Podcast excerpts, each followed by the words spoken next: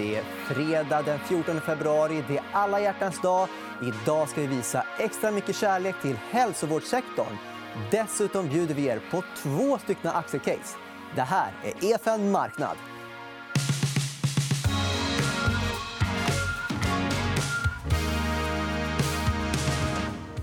Alla hjärtans dag. Albin, har du något hjärtligt att bjuda? Ja, det har jag faktiskt. Eh, och utan att vilja slita ut vilken dag det är så tänkte jag bjuda på lite inspiration kring aktier som går att koppla på ett eller annat sätt till just den här dagen. Visa. Upp till bevis. Absolut. Eh, så vi börjar med eh, choklad som eh, jag kan tänka mig byter händer idag i mängder. Många askar som går från hand till hand. Och då har vi bland annat då Cloetta här i Sverige som faktiskt har en ganska bra, ett ganska bra år bakom sig. Gått upp ungefär 40% Vi har Hotel Chocolat Group i Storbritannien som säljer lyxchoklad. De är överst här, gröna linjen. Den hade inte så jag koll på. Nej, det har gått riktigt bra. Och sen här nere då så har vi Lint och Mondelez. Och Lint det känner ju många till. Ja. De har ju också Sprungeli som är extremt dyr choklad. Mm. Eh, extremt dyr choklad. Inte sparat krona där. Inte alls. Och sen Mondelez som bland annat äger Marabou. Så det är några chokladtillverkare som finns på börsen. Och som ni ser har ju de alla gått riktigt bra senaste året. Men det har ju aktier överlag också gjort. Eh, sen lite alternativ också. Eh, bland annat Match Group. För den som inte har en Valentine att dela ut saker till så kan man då använda deras tjänster Match eller Tinder som de också äger. Och även om de har haft en dipp här på slutet efter en rapport som kanske inte riktigt levde upp så har ju de haft en fantastisk utveckling det senaste året. och Det märks att det är sug för kärlek. Ja, även lite Louis Vuitton, lite dyra presenter kanske. Louis Vuitton, ja, precis gröna linjen i mitten. Precis. De eh, köpte upp Tiffany's så att, eh, som gör smycken. Så det är också en eh, typisk aktie som kanske har extra kul dagar idag eftersom att det byts många smycken mellan varandra, eh, mellan händerna. Och sen eh, 1-800 Flowers Group. Inte gått jättebra, men den orangea linjen längst ner här. Det är för de som då vill skicka blombuketter. Men det är framförallt ett amerikanskt bolag, så det är nog inte någonting vi ser mycket av här i Sverige. Nej, eh, men eh, stort tack för den genomgången om hur man investerar med hjärtat. Och nu ska vi iväg till att snacka om hälsovårdssektorn.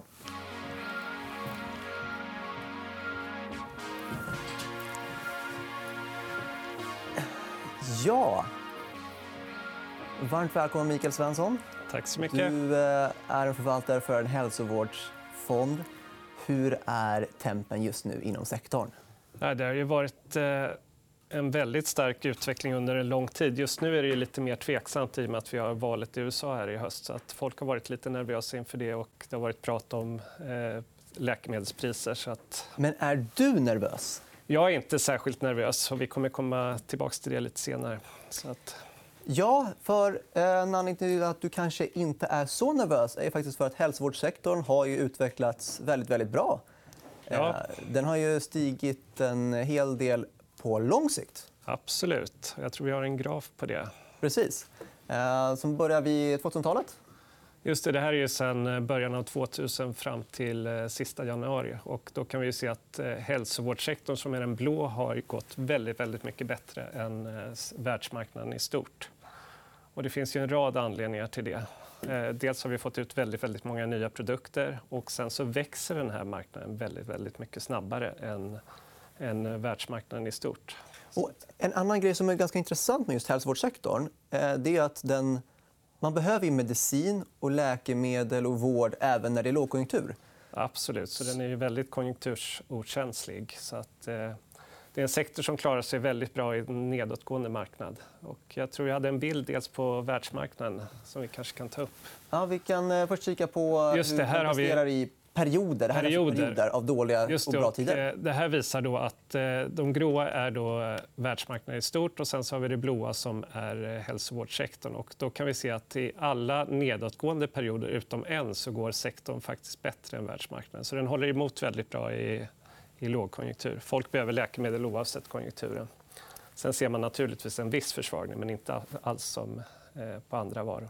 I grund och botten handlar det här om att eh, vi behöver ju läkemedel oavsett vilken marknad man är.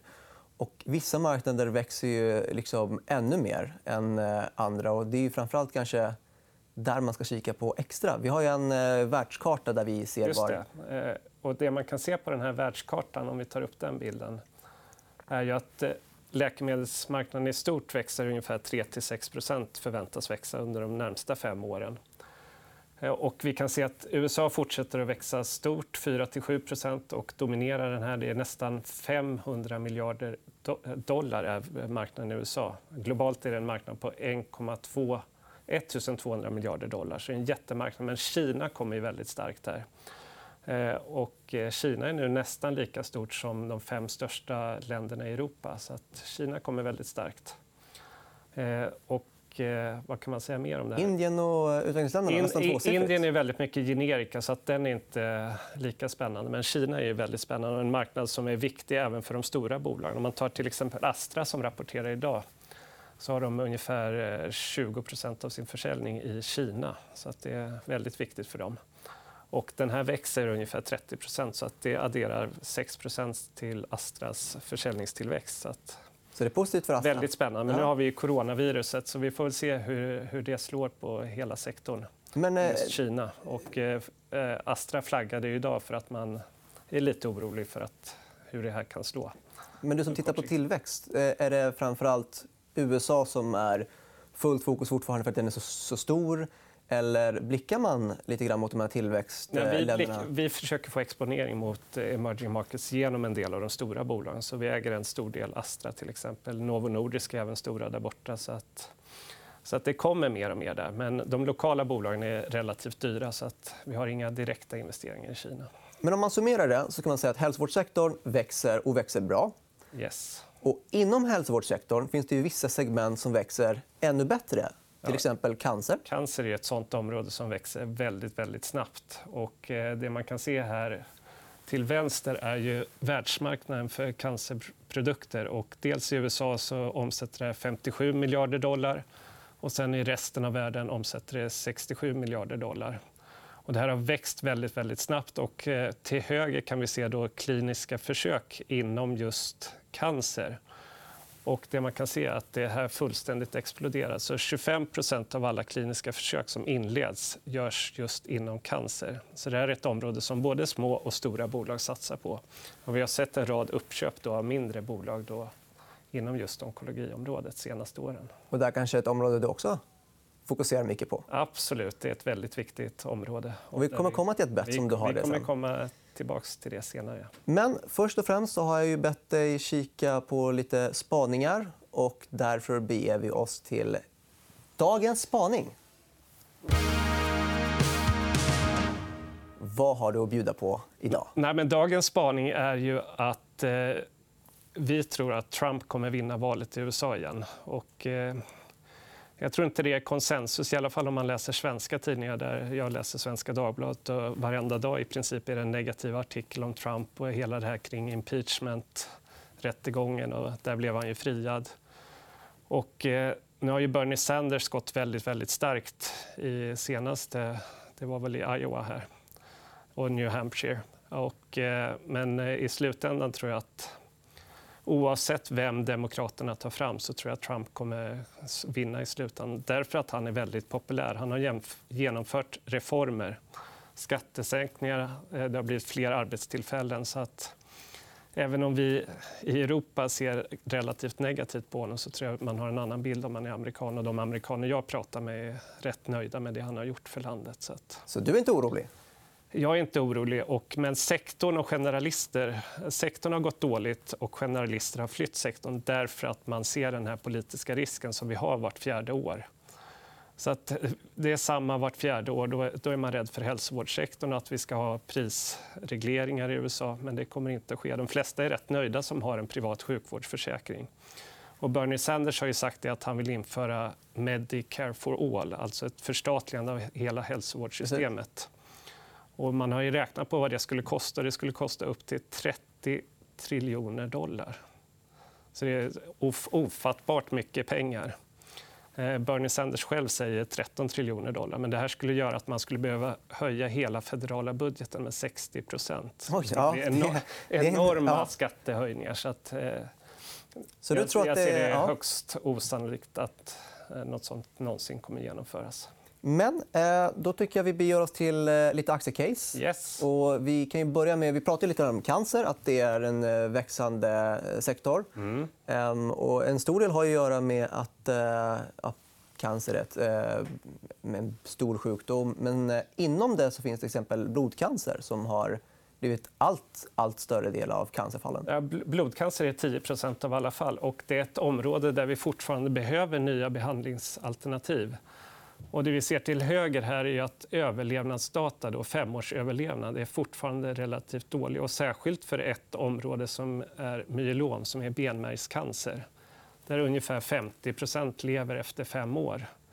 Och det kan jämföras. Bröst har ni högst där uppe och den eh, har vi en överlevnad på nästan 90 Så att, eh, benmärgscancer är nåt som man absolut inte vill få.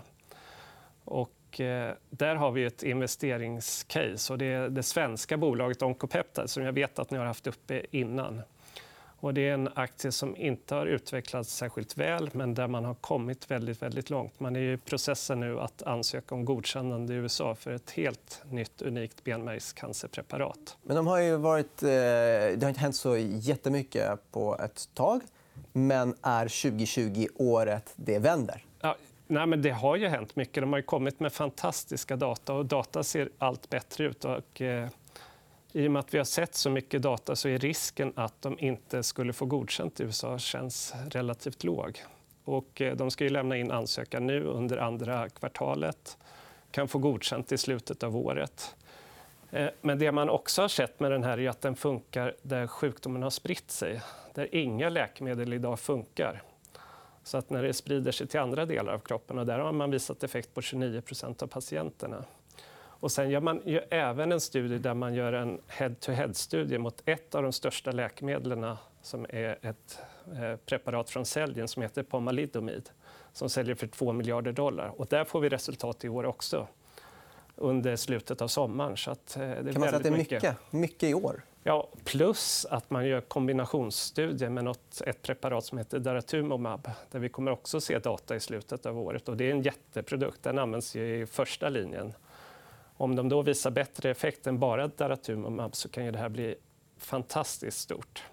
Så att det finns många sätt man kan vinna i den här aktien och jag tycker att värderingen nu eh, den, den, den, tar inte in alla de här otroliga möjligheterna som finns för bolaget. Så du är lång eh, Oncopeptides? Vi, vi är långa i, i, i, bolaget och även långsiktigt tror vi att det här kan bli fantastiskt. Plus att man har kvar alla rättigheter. Man har inte utlicensierat till några partners. Ja. Så, att, eh... så långsiktigt, tummen upp, du är lång aktien.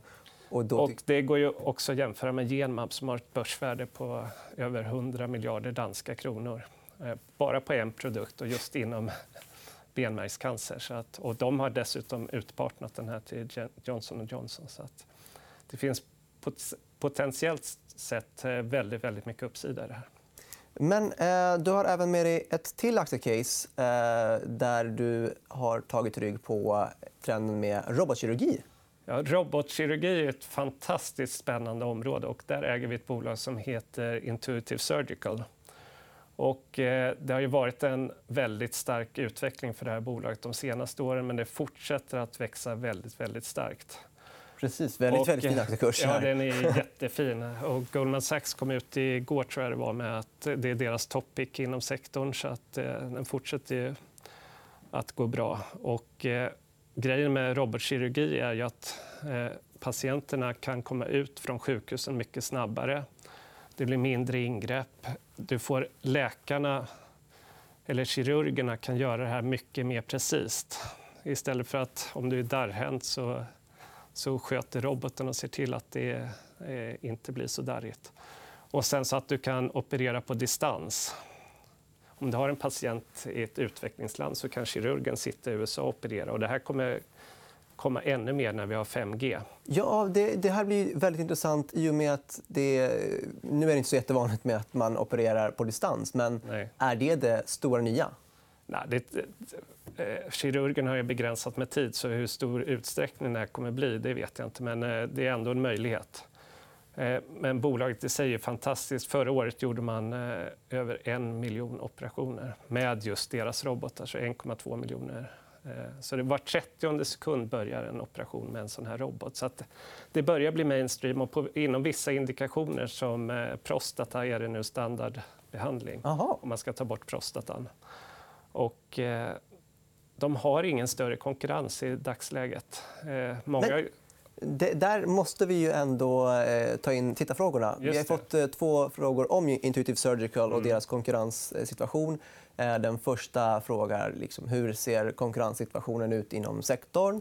Och, eh, nästa handlar om eh, hur är tillväxten jämfört med de tre största konkurrenterna. Mm. Så helt enkelt, hur ser konkurrensen ut? Jo, det är väldigt liten konkurrens än så länge. Johnson Johnson och Google har startat ett samarbete, ett bolag som heter Verb Surgical. De är några år bort från att ha någon robot på marknaden. Sen har Medtronic har just kommit ut med en robot i utvecklingsländer. Den är inte lanserad i Europa och USA ännu. Eh, men grejen är att för att vara konkurrenskraftig så måste du gå indikation för indikation och få fram kliniska data inom den indikationen. Så att, eh, Intuitive har ett enormt försprång. De lanserade sin första robot 2000. Så de har 20 års försprång på konkurrenterna här. Vilket gör att även om det kommer ut nya spelare så tror jag att Intuitive kommer vara den dominanta spelaren. De kommer vara dominant inom den här sektorn. Och det är en sektor, om man tittar vad Medtronic säger, så säger de att i dagsläget är det bara 2% av alla operationer som skulle kunna göras med robotar som görs med robotar. Så det finns en fantastisk potential i det här.